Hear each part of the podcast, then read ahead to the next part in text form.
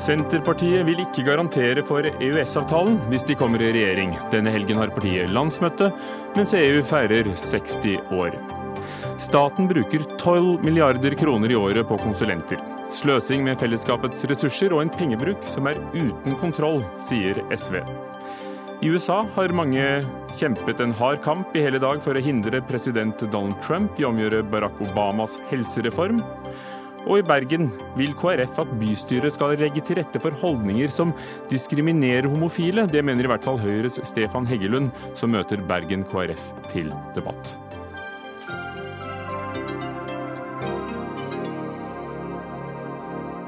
Og dette er blant sakene i dagens Dagsnytt 18 med Ugo Fermariello i studio. Velkommen. Senterpartiets landsmøte er i gang på Lerkendal i Trondheim. Partiet har sin høyeste oppslutning siden begynnelsen av 90-tallet, og kan bli en del av regjeringen til høsten. I så fall vil EØS-avtalen kunne ende på forhandlingsbordet. Og Ola Borten Moe, nestleder i Senterpartiet. Sist dere satt i regjering med Arbeiderpartiet, så var EØS-avtalen vi har med EU fredet. Er det aktuelt for dere å gå inn i et nytt samarbeid hvor, hvor denne avtalen ikke kan uh, reforhandles? Jeg tror du begynner i litt feil eh, ende. Altså, vi har sittet i regjering før og styrt på EØS-avtalen. Eh, det vil vi kunne gjøre igjen. Men det vi påpeker, det er at det skjer ting i verden rundt oss som endrer det bildet som vi tradisjonelt har hatt eh, helt frem til nå. Og Det viktige og utslagsgivende det er jo selvsagt at Storbritannia hadde folkeavstemning i fjor, meldte seg ut av EU. Nå i disse dager så iverksetter de den formelle prosessen 29.3. Eh, og så vil det nå eh, i en eh, par års tid pågå en prosess mellom Storbritannia og EU om å fremforhandle en ny form for avtale, som jeg er helt overbevist om at kommer til å komme på plass. Og så tror jeg at den avtalen som Storbritannia får, fort kan komme til å se mer attraktiv ut også for Norge enn dagens EØS-avtale. Det vil i så fall åpne for en tredje vei, og det vil helt åpenbart åpne for et nytt ordskifte om vår tilknytning til Europa.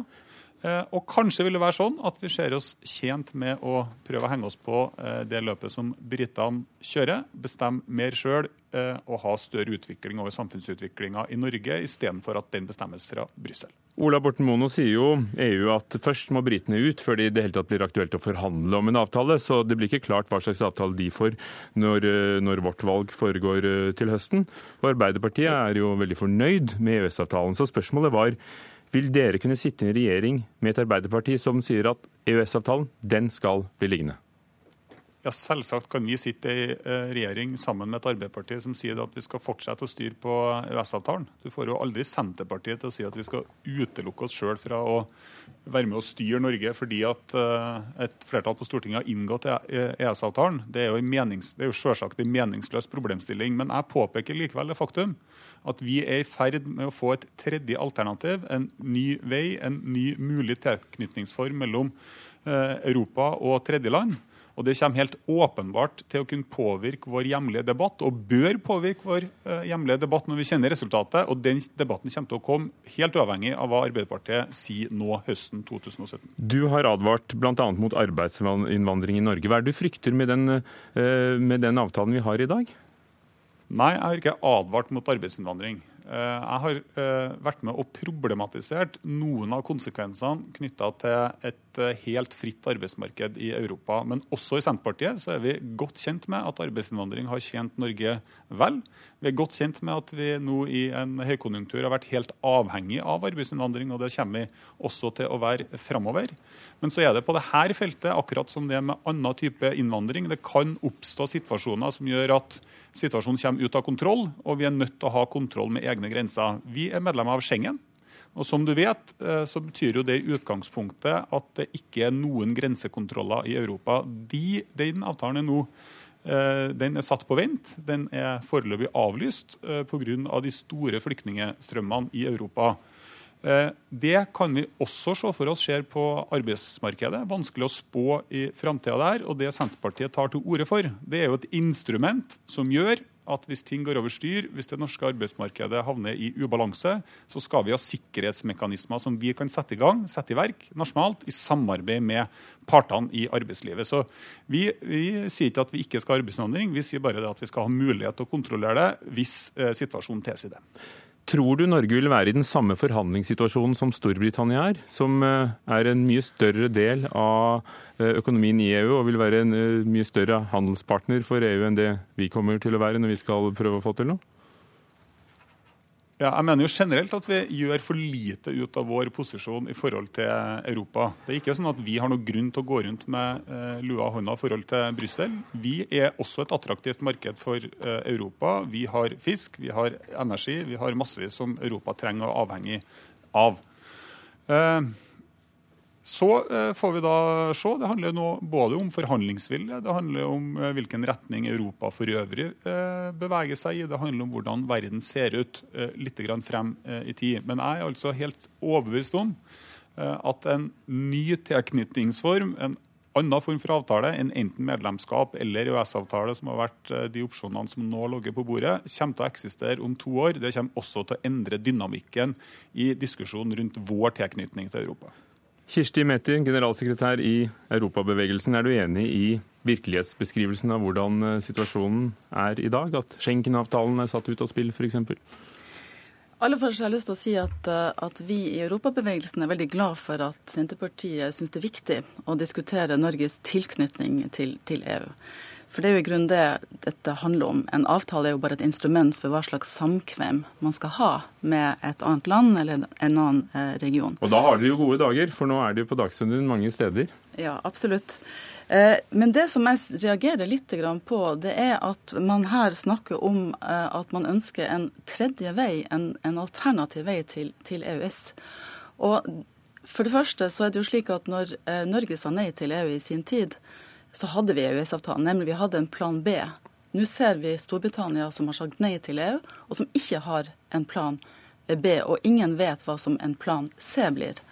Og det vi kan gå ut ifra, det er jo at eh, Storbritannia sannsynligvis ikke vil få en så god avtale som EØS-avtalen eh, er. Eh, med tilgang til, til 500 millioner mennesker, et så stort marked. Slik at Det som jeg tror vil bli avgjørende her, det er å si at i og med at ting endres så sterkt nå, at eh, ting kommer eh, i en helt annen situasjon, så må vi holde på det vi har. Vi vet hva vi har. Vi har en EØS-avtale som har vært veldig bra for ikke bare norsk næringsliv, men også for nordmenn, som har fått veldig mange rettigheter i EU gjennom denne avtalen, og samarbeidsprogrammer f.eks. Men dere er jo tilhengere av EU-medlemskap. Er EØS-avtalen bra som du ser det? Fordi vi har jo da måttet eh, ta til oss, og har tatt til oss 70% av direktivene eh, tall Aftenposten ga forleden, uten at vi kan være med å utforme dem. Nei, altså For oss så er EØS-avtalen det nest beste alternativet for Norge. EU-medlemskap hadde vært det beste alternativ, fordi at da ville Norge kunne være med på å bestemme og beslutte det regelverket som EU til enhver tid har. Ola Borten Moe, 60 år eh, siden Roma-traktaten i morgen. Hele Roma er i en slags unntakstilstand, og der samles EU-toppene for å feire den traktaten som altså sier at de skulle legge til rette for en stadig tettere union, som det står. Er det det som skremmer? Nei, For oss så er det jo litt motsatt av europabevegelsen. Altså, vi mener at EØS-avtalen er det nest verste alternativet. Det verste ville da vært et fullt EU-medlemskap. Uh, og Det er vel derfor vi sitter her og diskuterer òg. Mm. Jeg er helt overbevist om at uh, Storbritannia kommer til å få en god avtale med EU. og Det er jo fordi at Storbritannia i seg selv er en stor økonomi. Den ligger der den ligger. og Det er helt utenkelig at Storbritannia skulle tenke at man kunne klare seg helt uten Europa. og Det er også helt umulig uh, å se for seg at Europa skulle prøve å straffe Storbritannia på noe vis. Og så har Storbritannia sagt at vi vil bestemme sjøl, vi vil bestemme over egen samfunnsutvikling. Og vi vil stille våre politikere til ansvar gjennom valg. Og Det er jo det som er hovedutfordringa med EØS-avtalen det er jo det at store deler av den norske samfunnsutviklinga er unntatt normal demokratisk kontroll, fordi at vi er nødt til å kopiere de vedtakene som man gjør i Brussel. Og nå sist skjer det på tilsynssida, altså Finanstilsynet i fjor. Denne uka kom redegjørelser eller avgjørelser om at også energimyndighetene våre skal underlegges den europeiske overbygninga ACER. og Det betyr jo at vi utvanner folkestyret vårt og vi utvanner prinsippet om at man skal kunne etterprøve samfunnsutviklinga gjennom valg. Kirsti Metti, Teresa May har i Storbritannia også sagt at EØS-modellen ja, det er det verste tenkelige de kan eh, tenke seg når de går ut av, EU. Hva, tror du Storbritannia kan, kan oppnå? Nei, Det er jo selvfølgelig et, et åpent spørsmål. Grunnen til at Storbritannia syns at EØS er det verste eksempelet, er jo pga. det politiske eh, begrensninga de kommer til å få på å påvirke EUs eh, regler og regelverk. Eh, det som eh, ligger i, eh, på bordet her nå, det er jo at eh, det man ønsker er en mer begrensa tilknytning. Altså Man tenker mest på en klassisk handelsavtale, at man ikke ønsker å være integrert i det omfattende samarbeidet som EU.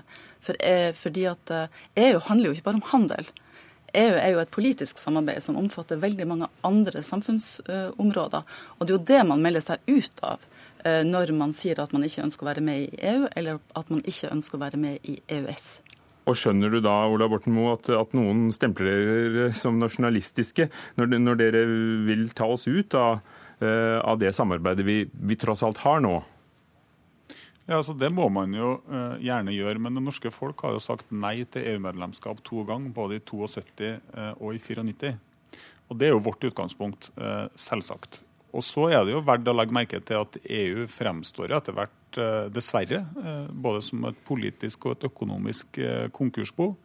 Hvor den unionen og den konstruksjonen står hen om fem eller ti år, er helt umulig å si, men det må jo være lov til å påpeke at det sjelden har fremstått mindre attraktivt eh, for Norge å melde seg inn i EU enn det gjør akkurat nå.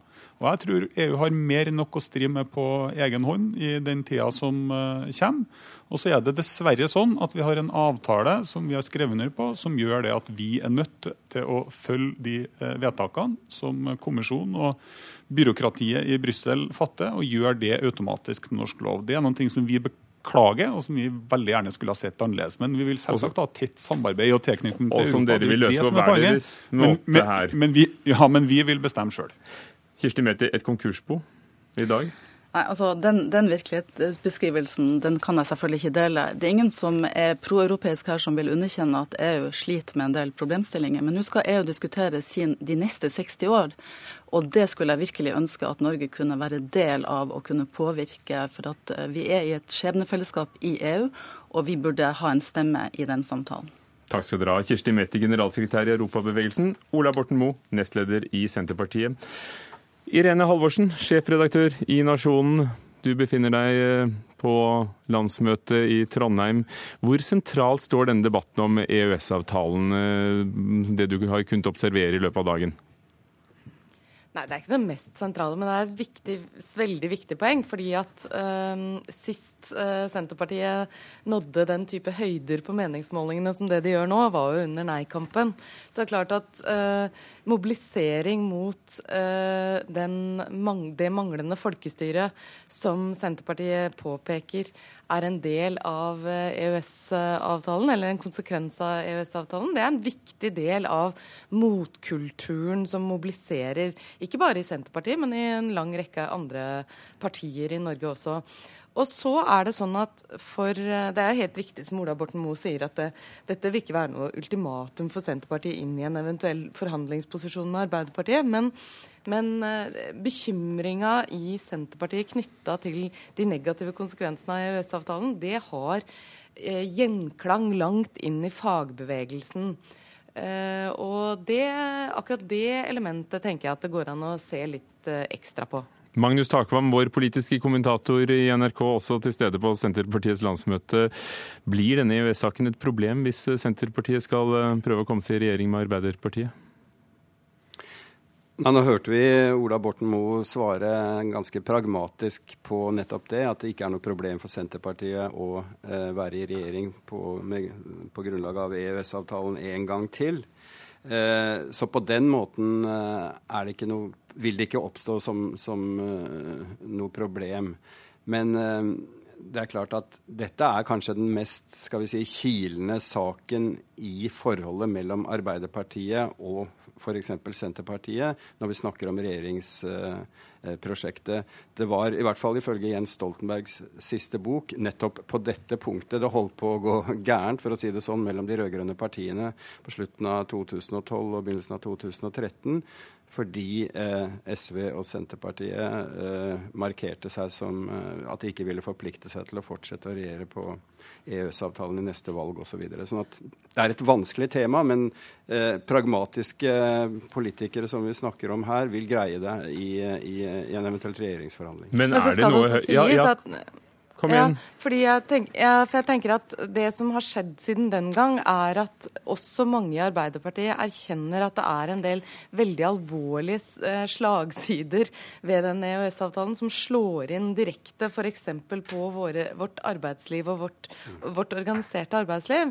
Og det er sånn at, og vi har hatt flere dommer nå i EU-systemet som tilsidesetter eh, norske regler og norske lover knytta til hvordan vi ønsker å organisere vårt samfunn. Og det er jo en uro som brer seg også i Arbeiderpartiet, selv om Arbeiderpartiet, selvsagt det store flertallet i Arbeiderpartiet eh, ikke ser noen som helst grunn til å rokke ved EØS-avtalen. Men er dette noe Høyre kan, kan utnytte i valgkampen for å sette en kile inn mellom eh, Arbeiderpartiet og Senterpartiet? Så det vil de helt opplagt eh, prøve på. Og vi har også sett at Høyre f.eks. har uh, utnyttet det faktum at Arbeiderpartiet ikke lenger har EU-medlemskap som del av uh, sitt programforslag, og liksom vil framstå som skal vi si, det eneste norske eh, EU-vennlige partiet. men jeg tror ikke det for så vidt hjelper Høyre så veldig mye. Og en annen eh, side av den saken er jo at også Fremskrittspartiet eh, har markert seg som stadig mer eh, EU-kritiske. Siv Jensen sa for noen uker siden, eller fortalte sitt landsstyre om skal vi si, hennes reise fram til det at hun nå sier nei til EU-medlemskap. Og partiet markerer seg altså kritisk til EØS-avtalen i en lang rekke sammenhenger. Og det tar jo litt brodden vekk av Høyres da eh, eventuelle forsøk på å kritisere Arbeiderpartiet for å få ha med seg Senterpartiet. Og så skal det sies at Selv i Erna Solbergs landsmøtetale så var jo ikke EU noe sentralt poeng overhodet. Til tross for store, dramatiske endringer i Europa, så kunne man kanskje forvente at uh, Høyre-lederen vektla, uh, vektla, EU og brexit uh, tyngre i sin landsmøtetale. Men det var jo mye mer De, måtte, de måtte altså, faktisk svare for det i, i Dagsnytt 18-studio. Men Irene Halvorsen, Senterpartiet får høy oppslutning for tiden på meningsmålingene. Medvind din. Eh, hva er din forklaring? Er det saker eller mennesker? Det er begge deler. Eh, det er et parti som har eh, klart å eh, legge til side veldig alvorlige personkonflikter, som har revet partiet over veldig mange år. Så Trygve Slagsvold Vedum har lykkes med sin kaffekoppstrategi å snakke med folk istedenfor om folk. Eller hvis man skal la seg inspirere her vi sitter og ser utover et vinterdekka Lerkendal. Han styrer jo på en måte etter Nils Arne Eggens godfotteori, og partiet, partiets tillitsvalgte spiller hverandre gode, som Eggen ville sagt det. Og så er det et parti som, eh, som jo har altså Det er jo noe med at de får lissepasning etter lissepasning fra Høyre nå, fordi at eh, den blå-blå regjeringen kjører veldig hardt på de reformene som jo Høyre tror veldig på. Sentralisering og Vi, vi skal faktisk snart snakke om politireformen her, i, her litt senere i Dagsnytt 18. Men Magnus Takvam, hva er din forklaring på Senterpartiets uh, høye oppslutning? Nei, Det er at uh, partiet har høy tillit på to dimensjoner i uh, politikken særlig. Det er sentrum-periferidimensjonen, der de har greid å definere alle de reformene som er underveis i den såkalte omstillingsprosessen som en del av en sentraliseringspolitikk. Der har Senterpartiet høy tillit i Norge. Norske velgere er distriktsvennlige. Det er den ene forklaringen. Og så er det også den dimensjonen som knytter seg til EØS-problematikken. Eh, forsvar av nasjonal selvstendighet, skepsis mot globalisering, som jo er en, en trend i den urolige tiden vi er inne i. Så på begge disse områdene så har Senterpartiet eh, sakseierskap. Og så spørs det om den dagsorden skal vi si, vil eh, fortsette å gi de Om bølgen fortsetter helt til valget eller ikke. Takk. Magnus Takvam, politisk kommentator i NRK, og Irene Halvorsen, sjefredaktør i Nasjonen, som begge følger Senterpartiets landsmøte i Trondheim. Dagsnytt 18 alle hverdager kl 18.00 på NRK P2 og NRK2.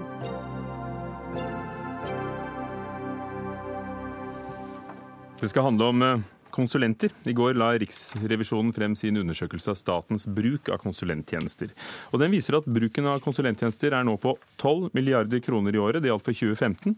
Departementer og direktorater bruker aller mest på dem. 8 milliarder kroner det året vi snakker om. Men ofte vet ikke departementene selv hva behovene er, og tjenestene kjøpes inn eh, uten at det er full kontroll, påpeker Riksrevisjonen i sin rapport. Kort oppsummert. Paul Schaffi, statssekretær i Kommunal- og moderniseringsdepartementet. Vet du hva konsulentene brukes til? Ja, Med hjelp av denne rapporten fra Riksrevisjonen nå, så har de kombinert regnskapsundersøkelser og spørreundersøkelser og gir oss noen gode svar på det. det Men de sier vel at du, du, burde ha visst det fra før? da? ja, det sier de. Eh, og jeg syns det er en veldig nøktern og god rapport. Fordi den jo ikke sier at det per definisjon eh, brukes for mye. Men den sier at eh, på en del områder er det veldig fornuftig å gjøre det. Fordi at oppgavens art er sånn at det løses bedre av konsulenter. Men den sier at på en del områder så bør man ha tydeligere mål for innkjøpene man gjør, at eh, innkjøpsprosessene bør bli bedre, og at kompetanseoverføringen fra konsulentene til egen organisasjon ofte er for dårlig. Sånn at man ikke lærer ja, eller at de i hvert fall ikke får så mye ut av det som eh, man burde gjøre. Og så sier de også at eh, vi i staten har fått en del gode verktøy på plass i form av veiledere, i form av måter man driver prosjekter på, som eh, fins, men som ikke tas i bruk i tilstrekkelig grad. og Derfor så får vi mindre ut av konsulentressursene enn vi ellers ville gjort. Denne regjeringen som du sitter i, eller er, er med i, innført innførte en avbyråkratiseringsreform og en effektiviseringsreform for å bremse veksten i, i statsforvaltningen. Har dere, har dere, fått bremset den veksten? Ja, det kommer jo tall nå som viser at det er færre ansatte i departementene enn eh, det var for et år siden, og det er lavere vekst i de sentrale direktoratene. Eh, og så er det høyere vekst i, ute i regionene, og det er jo som det Eh, skal være. At vi flytter ressurser ut til tjenestene eh, der næringsliv og innbyggere er. og så er det altså vekst i konsulentbruken. Betyr det at den, den avhjelper situasjonen? Altså det ser ut som dere effektiviserer fordi det er færre statsansatte som gjør jobben, men dere kjøper inn allikevel? Den koblingen tror jeg egentlig ikke er der. Eh, men det er et interessant spørsmål. Fordi at eh, avbyråkratiseringsreformen handler om å gjøre ting litt mer effektivt hvert år. Eh, ved å ta i bruk teknologi, ved å ha smartere arbeidsprosesser, ved å rett og slett avbyråkratisere. Og da... mens, mens konsulentbruken handler jo veldig ofte om prosjekter. Altså Det handler om ting man gjør. Man skal utvikle IT-systemer, man har byggeprosjekter, samferdselsprosjekter. Man hyrer inn ingeniørkompetanse eller jurister på områder der man ikke har et varig behov, men man har et behov i en kortere periode. Torgeir Knag Fylkesnes, eh, stortingsrepresentant fra SV. Er det en lur konsulentbruk? Det viser jo, eh, Tallene fra Riksrevisjonen er jo noe som vi på Stortinget veldig mange har venta på. Eh, vi har både lurt på det, hvor mye er dette her, vi har spurt regjeringa om det, vi har ikke klart å få noe svar. Og så endelig får vi da disse tallene fra Riksrevisjonen. Og Det viser jo at eh, to tredjedeler av alle offentlige virksomheter ikke har noen kontroll med bruken av konsulenttjenester. De har ingen plan for bruken av det. Og Omfanget er nå så stort at det utgjør 10% av lønningen til alle ansatte i offentlig, eh, i statlig sektor. 10 og Da begynner omfanget å bli så stort. Og når det er ingen plan bak bruken av dette her, blant to, to tredeler, da bør alarmklokkene gå også for regjeringa. Riksrevisjonen er ganske krass i sin beskrivelse av hvordan man jobber med dette her. Eh, blant annet så sier de at eh, regjeringa i liten grad responderer på Riksrevisjonens anbefalinger. Og det, For meg så tilsier det at de eh, faktisk ikke tar den øk økninga av konsulentbruk på alvor. Og Dette er jo bare tall fra 2015. Og siden den gang så har jo regjeringa gjort flere ting som vil tyde på at det kan øke konsulentbruken ytterligere. Bl.a. ostehøvelprinsippet. Eh, altså at alle må, må, kutte i denne effektiviseringsreformen. Paul Schaffi, mm, nå, sier, nå, er det ikke en konkrete tall for økningen, men 54% av etater, direktoratet, og departementet sier at de, de bruker mer enn før, bl.a. helseforetak. Er det ute av kontroll? Nei. Eh, men jeg mener Riksrevisjonen har gode råd om hvordan eh, det kan styres eh, enda bedre. Hvordan, for det er jo ikke noe mål å bruke mest mulig penger på konsulenter. For det at ikke de har kontroll sentralt, betyr vel ikke at hver enkelt etat ikke vet hva de bruker pengene til? Ja, er, vi har bare så vidt begynt å gå ned i tallmaterialet her. Men det er jo eh, flere som har stilt spørsmål om hva konsulentbruken er i helseforetakene, og har fått noen tall fra regjeringa på det. Eh, på 980 millioner kroner. Så kommer Riksrevisjonen nå og viser at i samme årstall så var eh, konsulentbruken 1,5 milliard. Sånn at det er jo åpenbare mismatch her mellom det regjeringa forteller Stortinget, og det Riksrevisjonen har kommet frem til av konsulentbruk. Sånn at her tror jeg det er mye eh, for oss på, på Stortinget, men også journalister, å gå i dybden på at man kanskje ikke har fått den oversikten man faktisk skal ha. Men, men hvordan vil du løse disse oppgavene? Mener du at staten skulle da ansatt folk hver gang? Altså, Hvis vi forutsetter at de, de utfører oppgaver, prosjekter jeg har sett bort fra det som er nødvendig å sette ut. Så er det veldig mye av det her som er faktisk er ren outsourcing av eh, statlige oppgaver. Det er utredningsoppdrag som gjøres av andre enn folk som jobber i Nav, i helseforetakene, i departementene osv., som konsulentselskapene gjør istedenfor dem. Eh, jeg mener jo at det er på tide å se på den totale bruken. Dette er konsulentselskap som virkelig skriver med gaffel når de skal skrive eh, regninger til, til staten. Sånn at det koster mye, og det også flytter kompetanse ut av statlige kontorer. Så det å se ordentlig på dette her, eh, gjøre justeringer sånn at vi kan flytte den kompetansen tilbake, det tror jeg alle er tjent med og vil spare skattebetalerne for store summer. Kunne dere gjort det selv? På mange områder kunne vi jo ikke det. Eh, og det er jo derfor man hyrer inn konsulentene. Eller det ville blitt mye dyrere å gjøre det selv, for man ville hatt en stor overkapasitet eh, i perioder. Eh, det er jo ikke sånn Rapporten at, påpeker at en del steder brukes konsulenter til å drive tjenester. Ja, og, det er jo IT-drift som altså, De ser jo på hvilke områder det er. Om, om, det er, om konsulenter er riktig begrep på, det er jeg litt usikker på. Men, men det er riktig at en del tilfeller drives ting av andre. Altså Teknologiutviklingen gjør jo at vi driver ting i den såkalte nettskyen, f.eks., altså som handler om uh, drift av datasentre i store profesjonelle miljøer. Det er jo ingen grunn til at staten skal gjøre alle mulige sånne ting selv. I byggeprosjekter så er det privat næringsliv som bygger bygg for staten. Det, det, jo, det, jo, det fornuftige her er jo å ha et så godt samarbeid mellom offentlig og privat sektor at kostnadene blir så lave som mulig. Kostnader, ja, der sa du det. Alistair Munro i, i Virke, direktør for kunnskap og teknologi. Dere organiserer flesteparten av konsulentbedriftene i Norge. For å ta det først, skriver medlemmene dine regninger med gaffel? Nei, de gjør selvfølgelig ikke det. Ehm, det de bidrar til, er jo på en måte eh, rådgivning inn for å møte det, det, det store behovet for å modernisere offentlig sektor eh, som vi har sett de siste årene, og for å møte innbyggernes forventninger til enklere og bedre tjenester.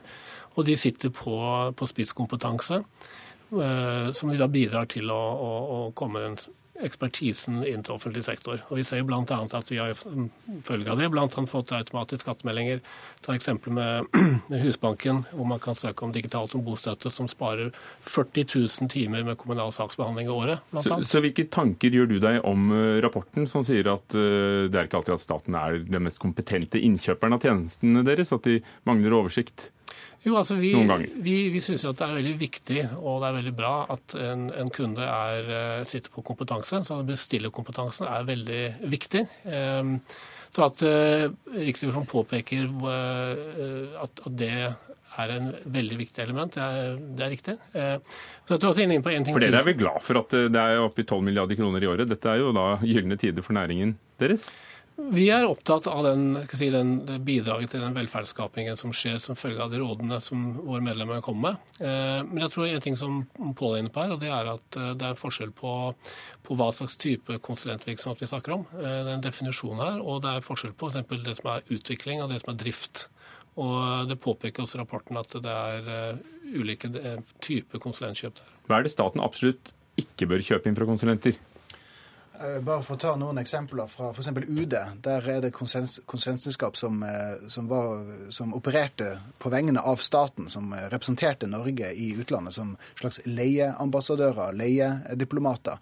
Når dette ble påpekt, så gikk UD rett tilbake på, den, på det forholdet og sa at dette skal ikke forekomme. Man skal ikke få konsulenter til å representere Norge. Vi vet at i Nav så har man en ganske omfattende avtale med McKinsey som skal bistå hele ledelsen og gjøre utredninger for dem, mens de ansatte sitter eh, rundt og lurer på hvem er det som egentlig ligger bak disse beslutningene her. Eh, det er mange eksempler på feil bruk av konsulenter i staten. Og Det er jo akkurat den type spørsmål som jeg mener regjeringa nå bør eh, gå inn på. Det er hva bør være riktig og korrekt bruk av konsulenter, sånn at ikke det bare er brannslokking, at man trekker inn konsulenter dypt inn i beslutninger som egentlig skal være til byråkratene å, å gjennomføre. Og Det er det jeg mener regjeringa må ta, ta ordentlig på alvor nå. To tredjedeler av konsulentbruken har ingen overordnet strategisk avklaring for hva de skal brukes til, ifølge denne rapporten til Riksrevisjonen. Går det ikke an å, å, å skaffe seg det? Få den avklaringen eh, Fylkesnes eh, etterlyser? Jo, øh, Og heller bite i det sure eplet og, og få litt flere ansatte i departementene, da, kanskje, selv om dere ikke men ville det? Nei, øh, fordi det er jo et mål å, å redusere byråkratiet og få flyttet ressurser over i, tjenestebruk. Det er også et mål å få mer ut av skattebetalernes penger. Og i noen tilfeller så betyr det fornuftige innkjøp fra andre steder for å, å gjøre ting selv. Men dette vil jo være en avveining de enkelte virksomhetene også må ta. Og det Riksrevisjonen sier veldig riktig, er at det må virksomhetene ta ansvar for og gjøre på en mer profesjonell måte enn i dag. For hvordan ville du begrenset det? Han kan jo ikke sitte i Stortinget og hvor- hva, hva som skal gjøres i den enkelte Ja, om han, om han nå satt i er regjering, da. det er jo ikke Stortinget som skal gjøre det, det er jo faktisk dere Ja. eh, som skal gjøre det. det, jo, Så hvilke virkemidler ville du tatt i bruk hvis du nei, det, altså, Var det, for det første så innførte de nullmoms, som gjør at det er billigere for staten å hyre inn eh, det er konsulentselskaper. Ja, det er likebehandling, kaller de det. Men det gjør det faktisk enklere. De senker terskelen for å bruke konsulentselskaper. Eh, på samme måte med ostehøvelprinsippet, som gjør at man setter sterke begrensninger på ansettelser. Vi har sett at det har ført en økning i konsulentbruken. Eh, så omfanget her er jo Det vi snakker om her, er det det koster å drifte Trondheim by. eh, I ett år. Og Kan det være noe 1500 barnehageplasser. Det er enorme summer her eh, vi snakker om. Kan dere i bransjen kanskje ta et konsulentoppdrag med å finne ut hvordan de bedre kan få kontroll over konsulentbruken? Ja, altså det, jeg tror det viktigste å huske på her, det er jo at eh, en grunn til at man kjøper konsulenttjenester, er jo at man sitter på ekspertise fordi man jobber i veldig mange prosjekter i veldig mange sektorer, bransjer, inn- og utland. Og den beste læringen fra hvert case tar man videre til neste case. Og den læringen er den man tar med seg inn til, eh, til staten her i Norge også. Takk skal dere ha, alle sammen. Alice Mønro fra Virke. Pål Schaffer, statssekretær i Kommunal- og moderniseringsdepartementet, og Torgeir Knag Fylkesnes fra SV.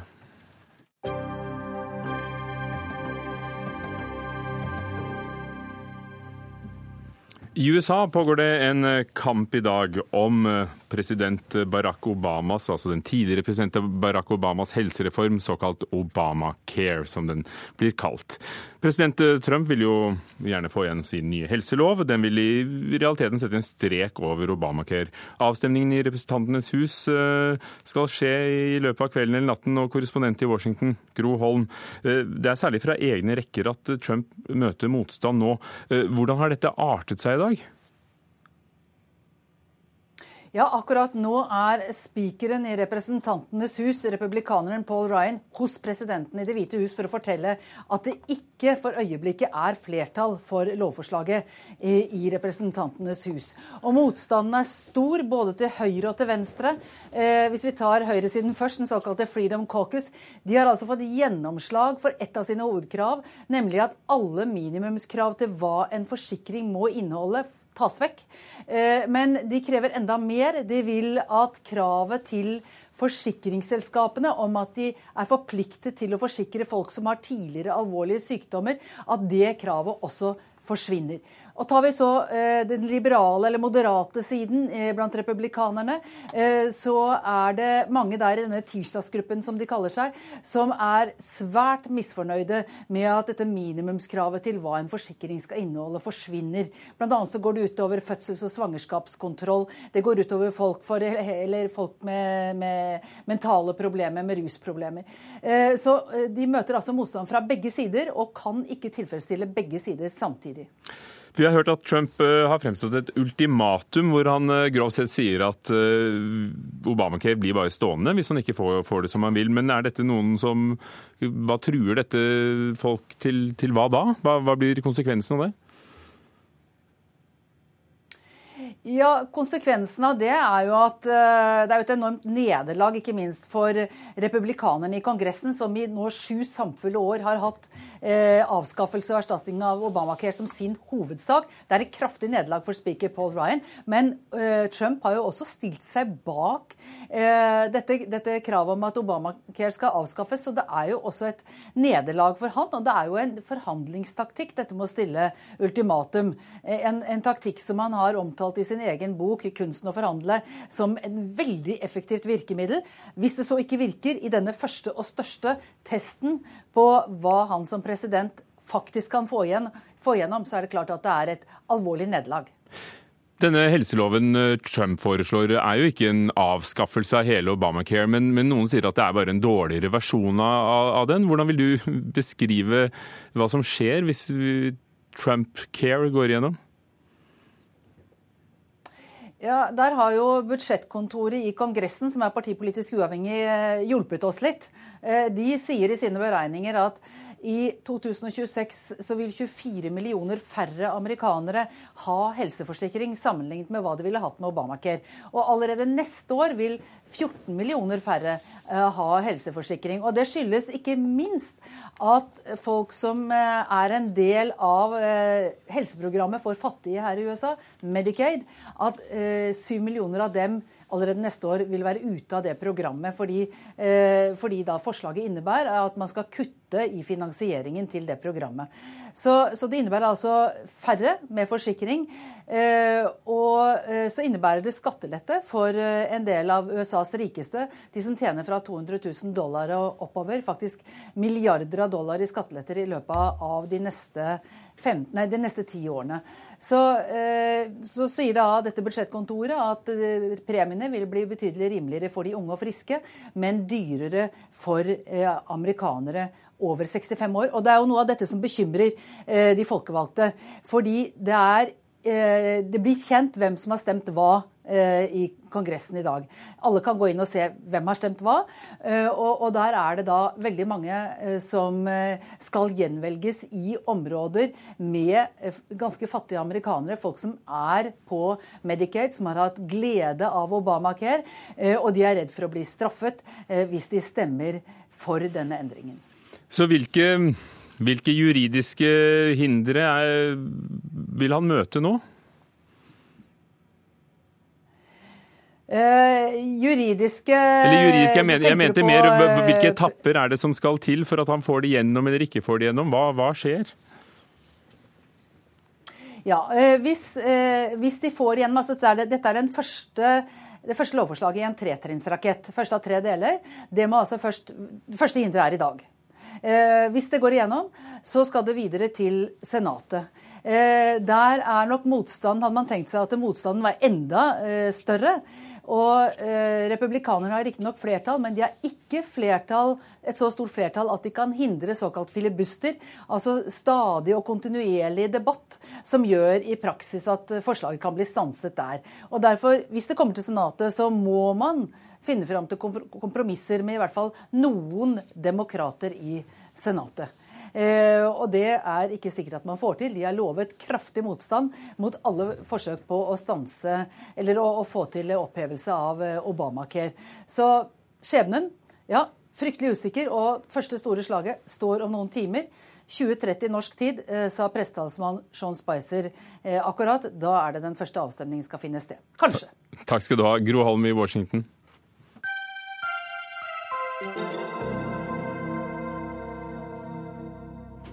Har debatten om politiets oppgaver druknet i krangelen om hvor lensmannskontorene skal ligge. Politileder Grete Lien Metlid har i intervju med NRK denne uken etterlyst mer debatt om kvaliteten på politiets etterforskning, og mindre lokaliseringsdebatt. Så vi skal ta henne på ordet. Og om litt skal eh, justis- og beredskapsminister Per-Willy Amundsen debattere mot Senterpartiets Marit Arnstad. Men først, Grete Lien Vetlid, seksjonsleder i Oslo politidistrikt for seksjon for vold og seksuallovbrudd. Hvorfor mener du at det er for mye snakk om lokaliseringen og, og hvor de forskjellige kontorene skal ligge? Det er jo naturlig at det har vært mye debatt om det. og det, Vi står i endringer i politiet, og debatt om politiet er viktig. Men nå syns jeg at det er på høy tid at vi også snakker litt mer om innholdet av det vi skal levere. Og det er klart, jeg, Som leder vold- og seksuallovbrudd i Oslo jeg er veldig opptatt av eh, kvalitet og tjenestene vi skal levere innen etterforskning av eh, bl.a. de alvorlige sakene som, som, som vi jobber med. Og som en som da jobber med noe av den mest alvorlige kriminaliteten, mm. med størst konsekvenser.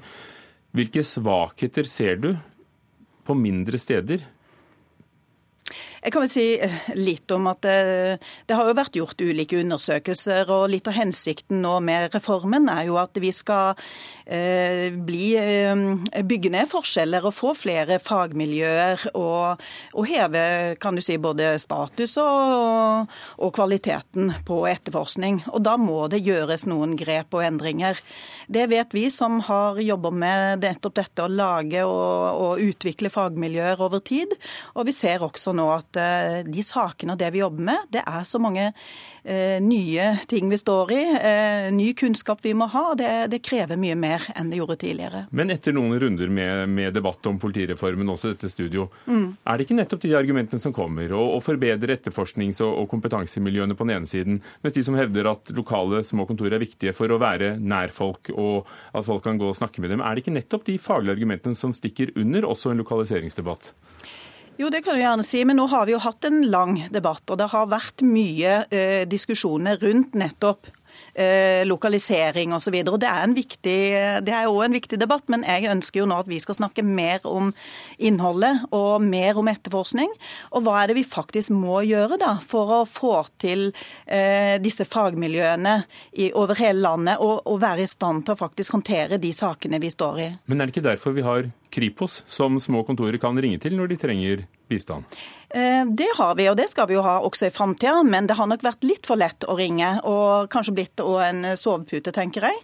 Eh, vi som eh, ikke har hatt kan du si, samme muligheten til, til, den bistanden, har jo sett at det er jo nettopp gjennom å drive etterforskning, bygge opp sin egen erfaring og utvikle disse fagmiljøene og få nettopp mengdetrening også da, gjennom disse sakene. Det er jo det som gjør at vi får fagmiljøer. Og så tror jeg det er veldig viktig at det kommer på plass flere steder i hele landet. Er det realistisk i lille Norge at andre steder enn kanskje de aller største byene kan bli sterke nok og store nok? Ja, på enkelte områder så er det. Men så må det også på enkelte andre områder kanskje ses at det må være færre, færre av de fagmiljøene rundt omkring i Politi-Norge. Men det kommer selvfølgelig til å kreve at vi må jobbe på en litt annen måte. At vi må flytte på noe saksansvar. Noen saker må samles et sted for å nettopp opparbeide seg den eh, erfaringen som er nødvendig i, i, i, i det faget vi står i i dag. Så hva er det dine kolleger ikke har forstått, når færre enn en tredel av dem, ifølge Politiforum, eh, tror at eh, reformen vil ha positive konsekvenser for arbeidsstedet deres? Jeg tror veldig mange av mine kolleger har forstått hvor viktig det er å få på plass fagmiljøer i etterforskning. Og jeg vet at det kommer til å gjøre det mye mer attraktivt for mange av de som kommer ut i politiet nå, og som, er, eh, som ønsker seg inn i etterforskning, og som ønsker en karriere der. Men så tror jeg vi har fokusert veldig mye på struktur, og det er klart det er vanskelige ting. At, eh, at eh, nettopp at arbeidsplasser flyttes på osv. Da blir det kanskje en mye negativ fokus. Så nå har vi en statsråd og en annen politiker her. Hvilke mm. ønsker har du for debatten, fordi du selv som politileder ikke kan være med på debatten og ikke ønsker det. Men hva ønsker du av debatten? Nei, Jeg ønsker jo rett og slett at politikeren skal snakke mer om innom, og også innse at det må skje endringer i politiet eh, for at vi skal få på plass disse fagmiljøene. Takk skal du ha foreløpig, Grete Lien Metli, seksjonsleder ved Oslo-politiet. Marit Arnstad, parlamentarisk leder i Senterpartiet, med oss fra Trondheim, du også fra landsmøtet deres. Har du bidratt til at eh, debatten handlet for lite om innhold og for mye om steder? Altså, jeg tror jo at debatten også må handle litt om steder, når vi har en regjering som eh, legger opp til en politireform der du skal sentralisere så kraftig og bl.a. legge ned 126 tjenestesteder. Da kommer du ikke unna at debatten også må handle om det. Fordi konsekvensen av de nedleggingene er at du redusere en annen viktig oppgave i politiet som også fortjener oppmerksomhet, nemlig spørsmålet om et politi med lokal tilstedeværelse, lokal kunnskap, og dermed også god evne til forebygging av kriminalitet.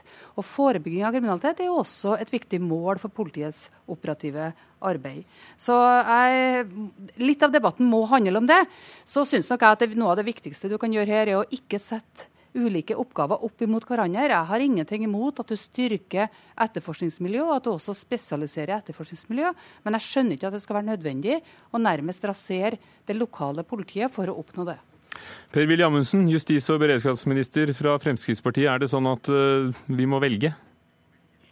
Jeg syns det er veldig eh, viktig at uh, vi får frem og at vi diskuterer det som er hele fundamentet for politireformen. Det handler om i særlig grad å eh, bygge et politi som er i stand til å håndtere en helt eh, ny eh, virkelighet med mer kompleks kriminalitet, som handler om digital, kriminalitet i det digitale rom, mer sammensatt kriminalitet. Da må vi bygge fagmiljø. Da må vi bygge kompetanse på en helt annen måte enn tidligere. Og Senterpartiets problem med det hele er at de er kun opptatt av å bevare alt som det har vært. Mens Eh, politianalysen, erfaringen etter 22.07, alle eh, holdt på å si, mål på hvordan vi skal bygge politi for fremtida, viser at vi må gjøre endringer i politiet. Og Det er det som er hele fundamentet, grunnlaget for at vi gjennomfører en eh, politireform. Det er nettopp for å tilpasse politiet en ny virkelighet, en ny hverdag. Og Da er jeg veldig glad for at politiet sjøl løfter frem viktigheten av innholdet i reformen. Det er det som er det sentrale. Det er derfor vi gjennomfører dette. Vi gjennomfører ikke denne reformen Marit Arnstad. Noen, eh, noen eh, lo lokale lensmannskontor som uansett har stengt mesteparten av tida. Vi gjør dette for å uh, utstyre politiet med bedre ressurser, bedre verktøy for å løse kompleks kriminalitet. Arnstad, er det, er det helt umulig å flytte på oppgavene hvis hensikten er å få gode nok fagmiljøer? Nei, Det er fullt mulig å omfordele og flytte på oppgaver i politiet. Og det burde en gjøre, men da burde en starte på toppen. Altså, Du har et politidirektorat, som også mange av Amundsens partifeller i Frp ønsker nedlagt, som i løpet av de siste fire årene har dobla sitt driftsbudsjett, som har anstelt 140 nye personer du må jo se på om det ikke også er mulig å, å, å omfordele mer fra skrivebordsstillinger til operativ virksomhet. Og den operative virksomheten er bl.a. etterforskning. Så syns, syns jeg at Amundsen Et øyeblikk, Amundsen. Så syns jeg at Amundsen og regjeringa må slutte å skyve Gjørv-kommisjonen foran seg. Gjørv-kommisjonen sa aldri at du skulle rasere lokalt politi for å få et bedre politi. De sa at du skulle se på kultur og ledelse i norsk politi.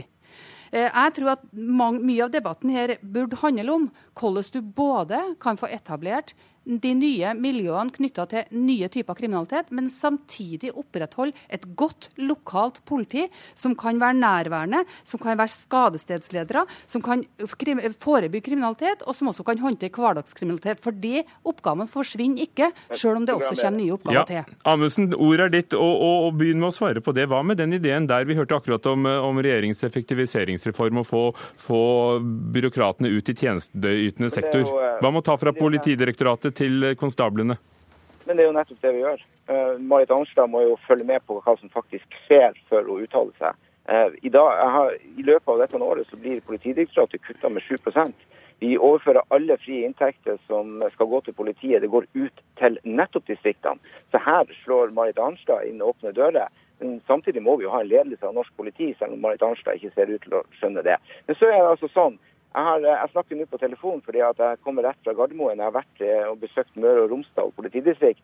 Der har jeg møtt mange dyktige politifolk som forteller meg om eh, folk som er entusiastiske, som gleder seg til en reform som handler om å skape et enda bedre politi, som kan gi politiet enda mer kraft, enda bedre forutsetninger for å løse sitt viktige samfunnsoppdrag. Eh, og, da, og, da, blir det litt sånn merkelig å høre på Marit Arnstad, høre på Senterpartiet. For at hver gang vi diskuterer politiet, hver gang vi diskuterer det, enten det var i Stortinget i går eller sånn som nå eh, på Dagsnytt 18, så er alt Senterpartiet er opptatt av, det er å bevare strukturene sånn som de har vært. De har ingen svar på hvordan vi skal løse fremtidens politioppgaver. De har ingen svar Men Amundsen, la, la, oss høre, la oss høre om vi kan få noen svar på nettopp det.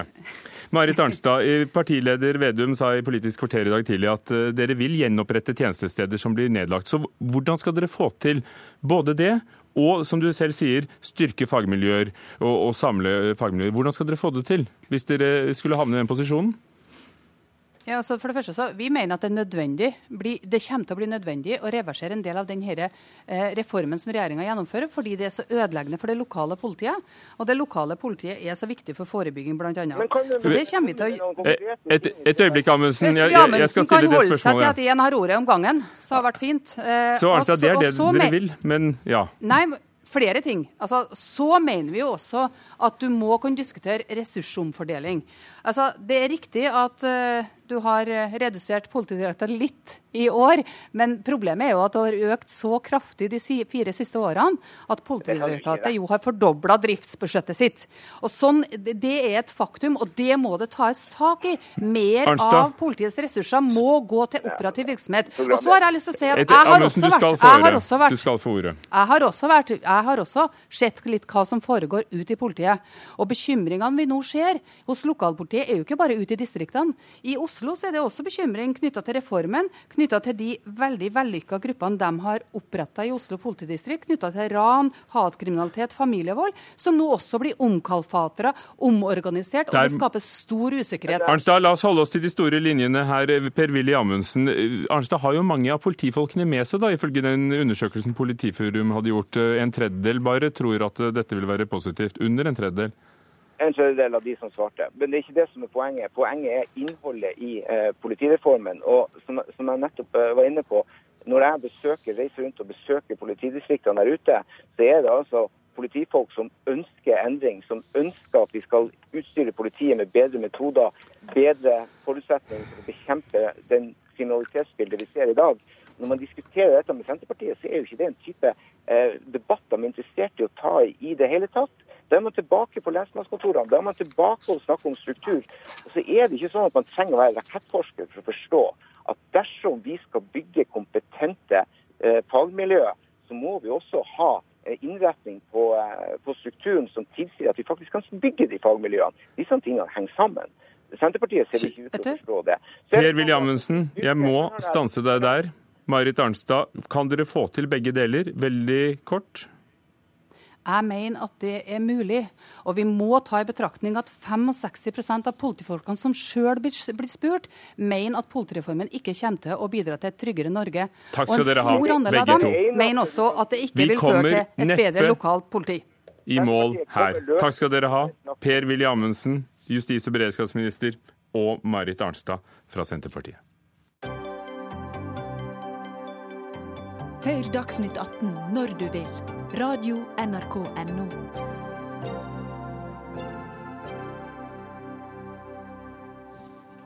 Kristelig Folkeparti i Bergen forsøker å få igjennom noe som vil føre til at kommunen legger til rette for holdninger som diskriminerer homofile, mener Høyres eh, stortingsmann Stefan Heggelund. Bakgrunnen er en bemerkning partiet ville få med da bystyret behandlet en mangfoldsplan. I denne merknaden heter det Bergen kommune skal ta høyde for at byens innbyggere har ulike syn på spørsmål vedrørende seksualitet, kjønnsuttrykk og samlivsformer. Kommunen skal selv respektere ulike syn, og legge til rette for at ulike syn skal kunne leve side om side i byen med gjensidig respekt for hverandre. Stefan Heggelund, stortingsrepresentant, hvordan tolker du dette? Ja, jeg så i den artikkelen NRK hadde på nett at eh, jeg hadde satt kaffen i halsen da jeg så det. det Stemte det? Eh, det er vel det man kan kalle alternative fakta. Faktum var at jeg ble ganske forbanna. Eh, for det Kristelig Folkeparti gjør i denne merknaden, som høres i utgangspunktet helt uskyldig ut, den har ord som respekt i seg, det står at man skal leve side om side osv., men den er ikke uskyldig. Fordi den merknaden den retter seg mot en helt spesiell gruppe mennesker. Nemlig de som mener at homofili er galt, at det er unaturlig, at det er synd, og så står det også i den merknaden at det synet, eller de synene, skal respekteres på like linje med det synet som er at homofile skal få lov til å leve i fred, uttrykke sin kjærlighet til hverandre. De to synene er ikke like gode. Det er grunnen til at man trenger en sånn mangfoldsplan. Det ene synet leder til diskriminering, lidelse, skam. Det andre synet leder til mangfold, toleranse og kjærlighet. Trygve Birkeland, gruppeleder i KrF i, i, i Bergen. Er det respekt for det intolerante dere ville ha inn? Vi er jo veldig overrasket over at eh, vi får en slik reaksjon på eh, denne merknaden, som faktisk også Høyre i komiteen i Bergen var med og støttet, men gikk fra dette da når de kom til bystyret. Fordi at Vi hadde nok tenkt at eh, Høyre i denne tematikken burde være, eller skulle være en alliansepartner for oss. Nemlig det å kunne løfte høyt det som er viktig for et samfunn med mangfold. At det faktisk skal være mulig å ha ulike syn, kunne stå for litt ulike syn, at også mennesker som har en tradisjonell oppfatning av det som går på familie, mor, far og barn, også skal kunne få lov å hevde dette, selvfølgelig med respekt. Det å ha meninger betyr nødvendigvis ikke å diskriminere. Men vi har jo paragraf 100 ytringsfriheten eh, her i landet, så, så hva skal en kommune med et sånt vedtak uansett? Altså, Hva kan det gjøre? Det er viktig å holde dette opp og holde dette fram. Eh, for eh, det er slik i dag at vi opplever nok at denne pendelen svinger noe voldsomt. Og det er også viktig i et samfunn med ytringsfrihet at eh, også mennesker som har en tro, som har en overbevisning, kan få lov å stå for denne. Eh, og vi opplever at eh, det rommet er i ferd med å bli smalere og smalere i landet vårt. Og da er det viktig å heise noen slike varsomhetsflagg som dette. Og også i reglementet, i etikkreglementet for kommunen vår, så står det jo at det skal spreges av ulikhet av slik at mangfold blir verdsatt og viser igjen i hele kommunen. Og med mangfold menes ulikhet i kjønn, etnisitet, religion, livssyn, seksuell orientering, kjønnsidentitet, kjønnsuttrykk, politisk standpunkt, alder og funksjonsnivå. Det er helt naturlig for oss å løfte dette inn i det offentlige rom. Og det er en stor eh, debatt, og en stor og viktig debatt KrF med dette og med denne merknaden reiser. Heggelund. Dette er bare vås. Det er sprøyt fra ende til annen. Det er ingen som er imot ytringsfriheten i Norge. Behovet for å legge inn en sånn merknad er for å snakke til noen helt spesielle grupper som mener at homofile ikke skal ha like mange rettigheter som alle andre grupper i samfunnet. Du kan jo prøve, Birkeland, å bytte ut ordet seksualitet med et annet ord i den merknaden din. Og så kan vi jo se om du ville støttet en sånn merknad. La oss si at denne mangfoldsplanen handlet om noe annet. Den handlet om å få personer med Downs syndrom inn i arbeidslivet, at kommunen skulle ha tiltak for å få til det så sto det i et eller annet parti fremmet en merknad hvor det sto kommunen skal respektere at det er ulike syn om personer med Downs syndrom. Hadde du gått inn i den merknaden, ja eller nei? Jeg opplever at det er, det nei? veldig spekulativt å, å, angripe dette på denne måten. Hadde representanten satt seg litt bedre inn, hadde representanten satt seg litt bedre inn i hvordan KrF har manøvrert i denne saken, så har vi altså støttet 23 av 25 tiltak. Og det er to steder vi har eh, alternativ. Og Det betyr at grunnleggende så er vi med på det som er i denne planen, men vi har altså på et par punkt at vi da skiller vei med resten. Så, så hvem er det som trenger Birkeland, hvem, hvem er det som trenger beskyttelse her? I utgangspunkt så er denne planen selvfølgelig eh, rettet imot at eh, LHBTI-befolkningen trenger en beskyttelse, og trenger å kunne få lov til å være og stille seg fram og være den de er, og leve slik som de ønsker å leve. Men på den andre side så må det også i et eh, verdiåpent eh, og godt samfunn kunne være slik at vi skal kunne leve med litt ulike meninger. Men hvorfor er det viktig for dere å Toleranse betyr å tåle. Og Da tenker jeg òg at eh, også de som har et progressivt syn i denne saken, bør kunne tåle at det fremdeles vil finnes en god del grupper mennesker i dette landet som kan være av en annen oppfatning. Og Jeg tenker ikke minst på mange av våre nye landsmenn som kommer reisende inn til oss. Det er viktig at de òg kan kjenne at med det synet de har, så møter de en respekt. For hvis vi ikke møter hverandre med respekt her, så bygger vi murer istedenfor broer. Og, og det, det ville de nedfelle. Det er en tilnærming som ikke vil løse løse noen Heggelund. ting i denne saken. Ærlig talt, Birkland, Birkeland, det er altså slik at det er ingen som sier at man ikke skal få lov til å ytre sin mening. Og Det er ingen som sier at vi ikke skal ha gode debatter. For eksempel, så det er ikke du som er intolerant, altså? Så sitter vi her og debatterer nå. Vel, nå er jo ikke det slik at respekt for intoleranse er det samme som toleranse. Det er ganske viktig å huske på. Men jeg vil ikke slippe den merknaden du ikke ville gå inn i helt ennå. Fordi det sier nemlig veldig mye om ditt syn på homofili. Du sier at du, det er tendensiøst å si at du ville gått inn i en merknad som var helt lik den merknaden du har skrevet, men den handler om personer med Downs syndrom eller f.eks. innvandrere. Men du syns det er helt naturlig å gå inn i den når den handler om homofili Birkeland, og homofile. er du blitt misforstått? Og det er fordi at det er homofi, homofili du ikke tåler i dette. Er du blitt Hør- misforstått? Hør her. Hør her. Eh, respekt det kommer av et ord som heter respektare, som betyr å se en gang til. Og Jeg skulle så gjerne ønske at Heggelund kunne ha sett en gang til på det som står skrevet i denne merknaden, og ikke begynne å prøve å finne ut hva vi skal ha ment med det som står Og her. der må vi sette punktum. Stefan. Heggelund og Trygve Birkeland, takk skal dere ha. Frode Thorshaug var teknisk ansvarlig, Fredrik Lauritzen, vaktsjef, og Ugo Fermarello, programleder.